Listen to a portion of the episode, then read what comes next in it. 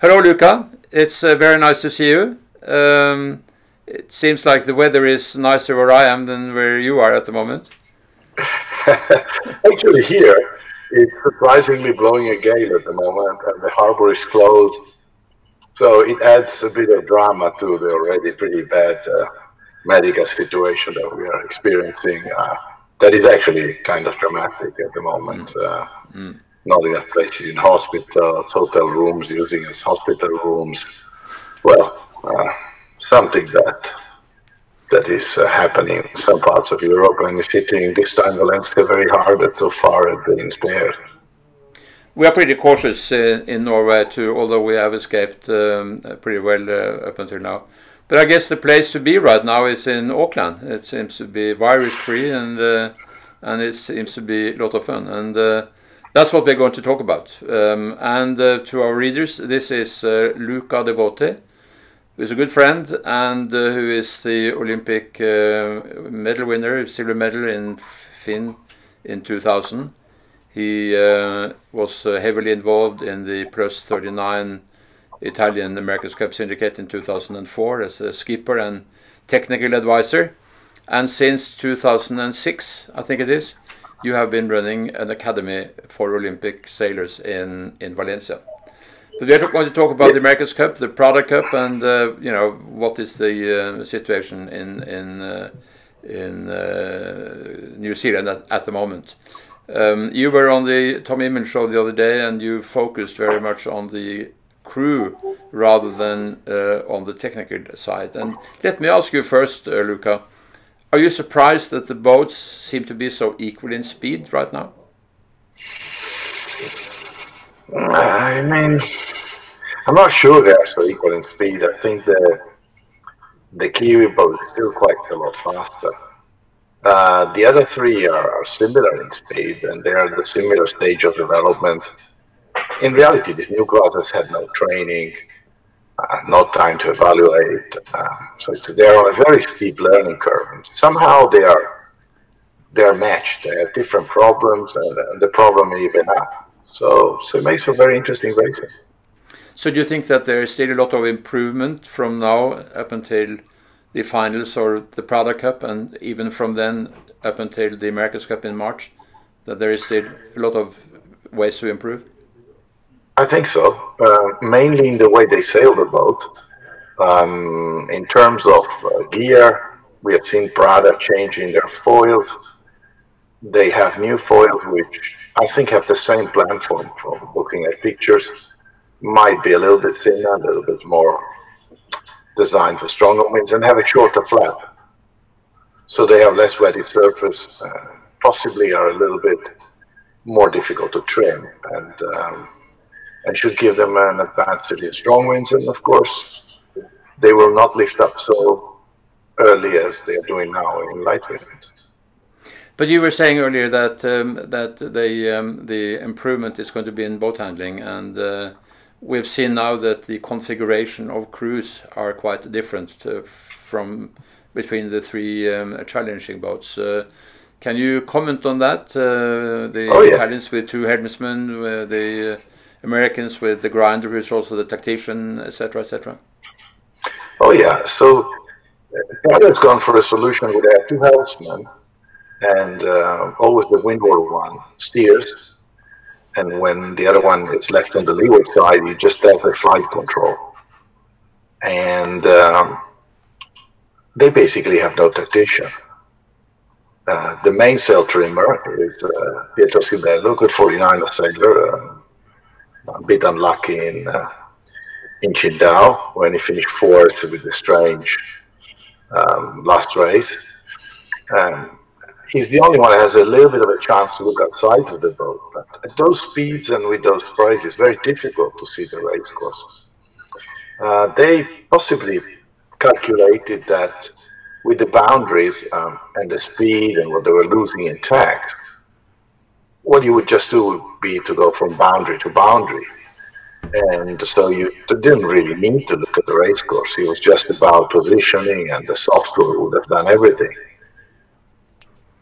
And that is not really the case, and we are seeing the Brits sailing much better. Uh, just got moving around in the boat, looking outside, and uh, on the very shifty course that they were racing in in this first regattas, uh, that gave uh, the Brits an advantage. So this is uh, one thing, and the other thing is it's, is how you trim the boat and the development of the sails and the systems to trim the sail. I mean, this double mainsail is also something completely new, and um, and I'm sure just on the system they can improve a lot. But um, about this uh, double helmsman uh, situation, it must be quite difficult in the starting procedure where you have to act very quickly and that uh, there is one guy on the right side and one guy on the left uh, who are steering and uh, how can they, you know, tune in completely to each other? It's very difficult. Very difficult and uh, they have had some problems even though they, they claim they've had very good starts. In one day, they, they changed over and they were just late. Um, we haven't really seen very heavily fought starts uh, so far. They're, they're, still learning to drive the boat. So it's uh, yeah, it's early days to judge the double helmsman situation. I don't like it personally. I would never adopt that, but but that's me. You know? mm. And uh, and I think there the Brits have done done uh, very well in the engineering of their of their grinding system. So they're able to sell the boat with six grinders instead of eight. Uh, they always push forward. They have much more room being diagonal. They have a continuous transmission that now Harken admitted they use exclusively. And they have must have a very clever software in how to allocate power to everything as they seem to trim the cells faster than, than all the other two that are doing the Prada Cup. So that gives them a huge advantage because then they have a dedicated helmsman, a dedicated tactician, and two flight controllers that at need can also grind, but are not grinding all the time. So it's, it's I think, a much, uh, much leaner, much cleaner setup than having eight people grinding on, on, on two pedestals per side, one pulling, one pushing and uh, and therefore having less hands and minds to control the boat. The, the Ineos team uh, has a pretty good uh, relationship with Mercedes, and uh, and that may um, uh, influence the system that they have automatic gear system with the um, grinders. Is that is that possible? It's, it's, it's sure, it's sure. I don't know if they have co-designed with Harken the continuous transmission. So there are no, there's no more button and going forward, going backwards, but they they grind at a certain intensity. They have uh, heart rate monitors and all the rest. They're connected to the watts they produce, and, uh, and they're just monitored so they can do their maximum output for 20 or 30 minutes without having to stop and not going over the aerobic threshold too much. And so they, they, they, they, produce an immense amount of power. Also, they have huge grinders. They're very strong guys, very big, brittle car. They also sailors. There, uh, I don't know some of the other ones, but they are just they really are strong. So this is where some where most have not focused. I think Ineos one by one have uh, better athletes in general than all the other teams in every role. And they have two um, uh, key uh, people in the afterguard, uh, Ben Ainslie and uh, Giles Scott, who are both Olympic champions in, in Finn and uh, very young guys. And uh, th they seem to have a very flawless communication between them. Yes, and also they are absolutely made for the job. They are extremely focused. They're they don't get excited. I mean, you see the press conference yesterday when asked about that, they said, well, we're a long way from being good. And and when you hear them, for us, they are nearly perfect. So, yeah, they, they, they are used to work very hard and they have a system that is a winning system. And, uh, and they are incredible athletes, you know. And, and, uh, and, and the class they come from has teach them to perform under incredible physical pressure and taking continuously decisions because in a sailboat you you maneuver so many times that uh, you rehearse the decision making process much more often than in fast boats. I mean, you might do 80 maneuvers in a regatta and in a race, and uh, in a fast boat you might do eight. so it's it's all their life they've continuously taken decisions and quick decisions and and and, uh, and they are phenomenal champions and at the peak of their careers. So they are actually very very strong. I mean, uh, they have to be respected. So that's uh, the Kiwis also have incredible athletes and. Mm. And um, yeah, Luna Rossa and uh, and uh, American Magic have sailors that come, let's say, more from the big world, even though Bruni has done three Olympics, but he's already 47. And um, not as successful, obviously, like Ben Ainslie, but I mean, Ben is the most successful sailor in, in sailing history. Yeah. So, you know, they, they have very, very tough opponents to get used to. And also getting into the cup, nobody had raced for a long time, and they haven't really been able to sell the boat because of COVID. They have done pre-regattas. So it is who picks up the nuances of the boat faster who gets the rust off faster. And of course, these guys that uh, that come from active Olympic campaigns have it easier to to, to get off the bus faster and, and get to their best performance.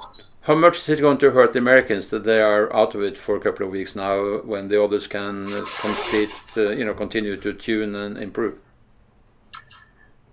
It's difficult to say. You know, it could. Uh, it could paradoxically be even better for them that they've had this so they can come down and regroup with their setup with, with Terry Hutchinson at 53 grinding. Uh, they they would have got exhausted to the semi-finals and the finals, and uh, and now they have no pressure. There's nothing to lose. It'll be a miracle if they're able to put the boat together, and if it sells, and and they'll do their best. And they are very, very good sailors and very sensitive sailors. So, so they have a chance. The boat was fast in their in, in its position. They're strong. The only boat that in the Christmas beat the New Zealanders, and uh, and so they they cannot be excluded, even though. Excuse me. no problem.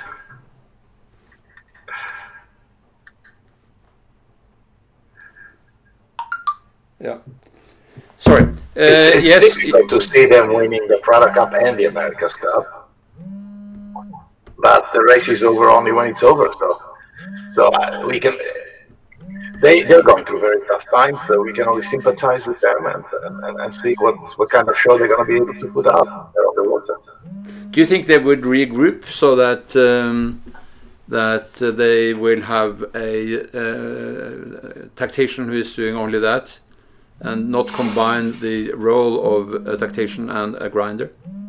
It's very difficult to change the setup on board uh, because uh, they have the people they have, because they develop the part they develop, and if they felt that they needed to add two more hands on the handles, uh, probably they needed that. So I don't know. It's difficult to say. I, I would certainly preserve him and allow him to look outside and be more more rested uh, when he takes decisions, uh, as I feel that the rush decision that led to the capsize was also due to the fact that nobody would see the gas coming, and so except except Goodison. So yeah, they have some problems there, but then again, they're overwhelmed by the boat. They haven't sailed it enough in, in those conditions, and uh, and they're on a learning process. So it depends a lot on the conditions where they'll set the race course no, this is very close to shore with gusts coming in, big shifts.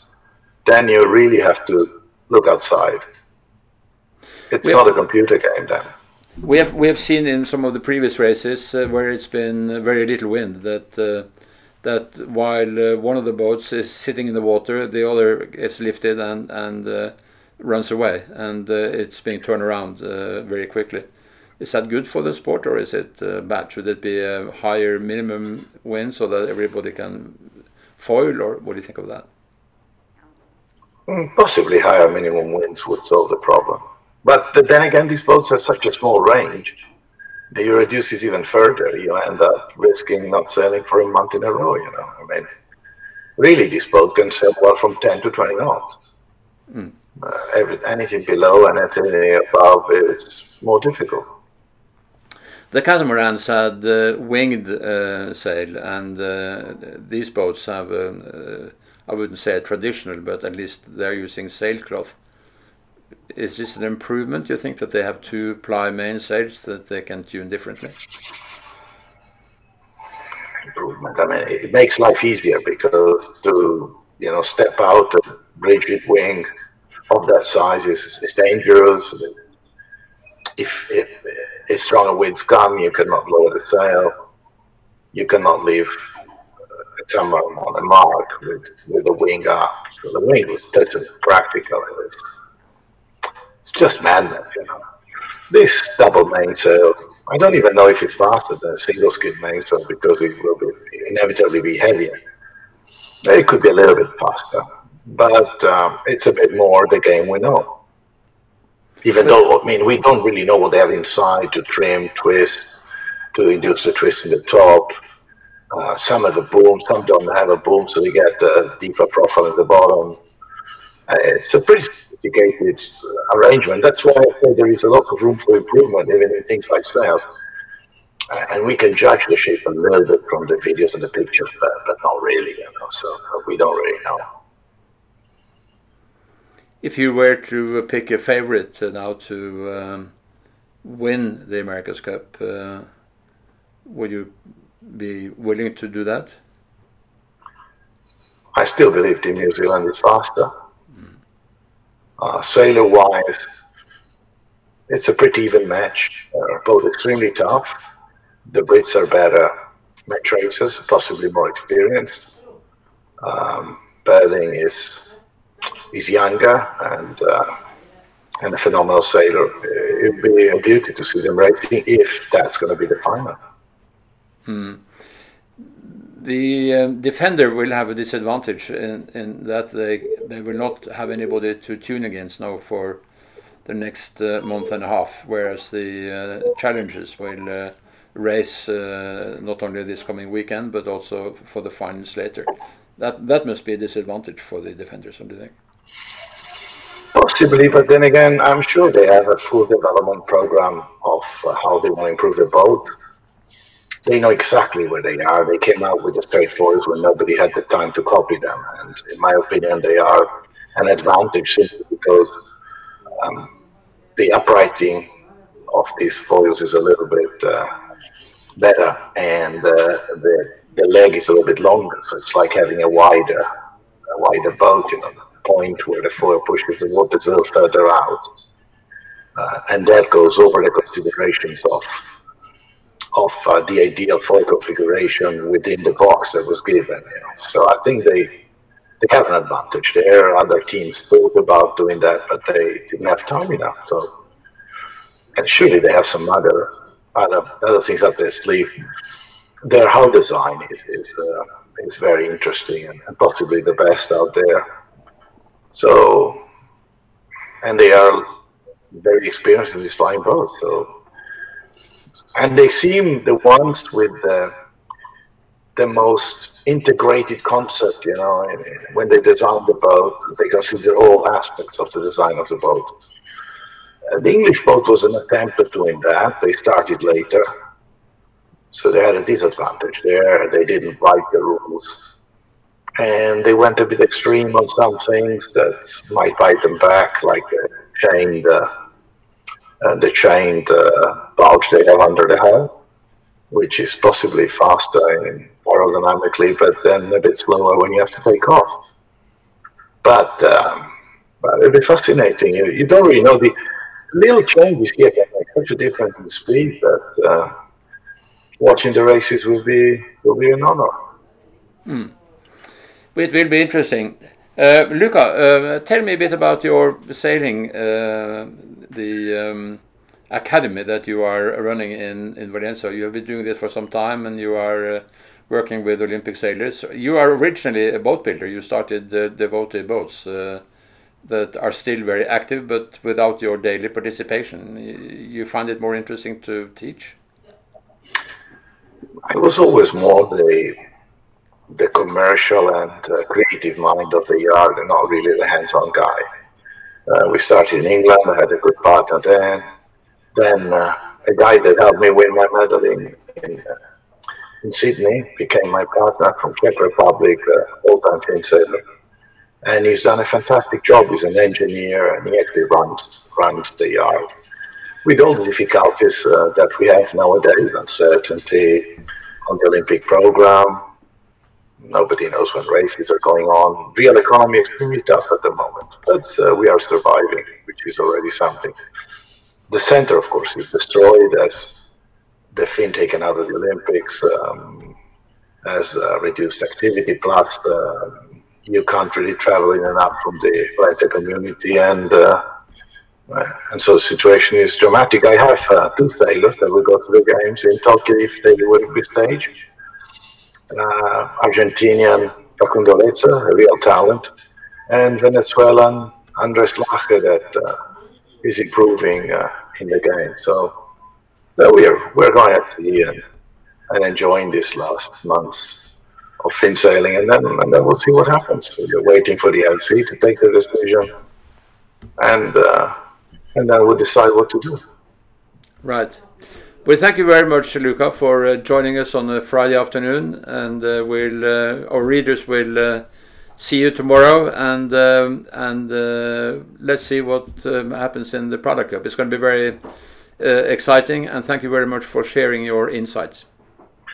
It is it is very exciting, and and it gives us a breath of fresh air in these difficult times, and sailing still being a fabulous sport, and this new boats resembling very much the we love. So, so I, I can only wish all the best to all them racing there, and I will watch with passion.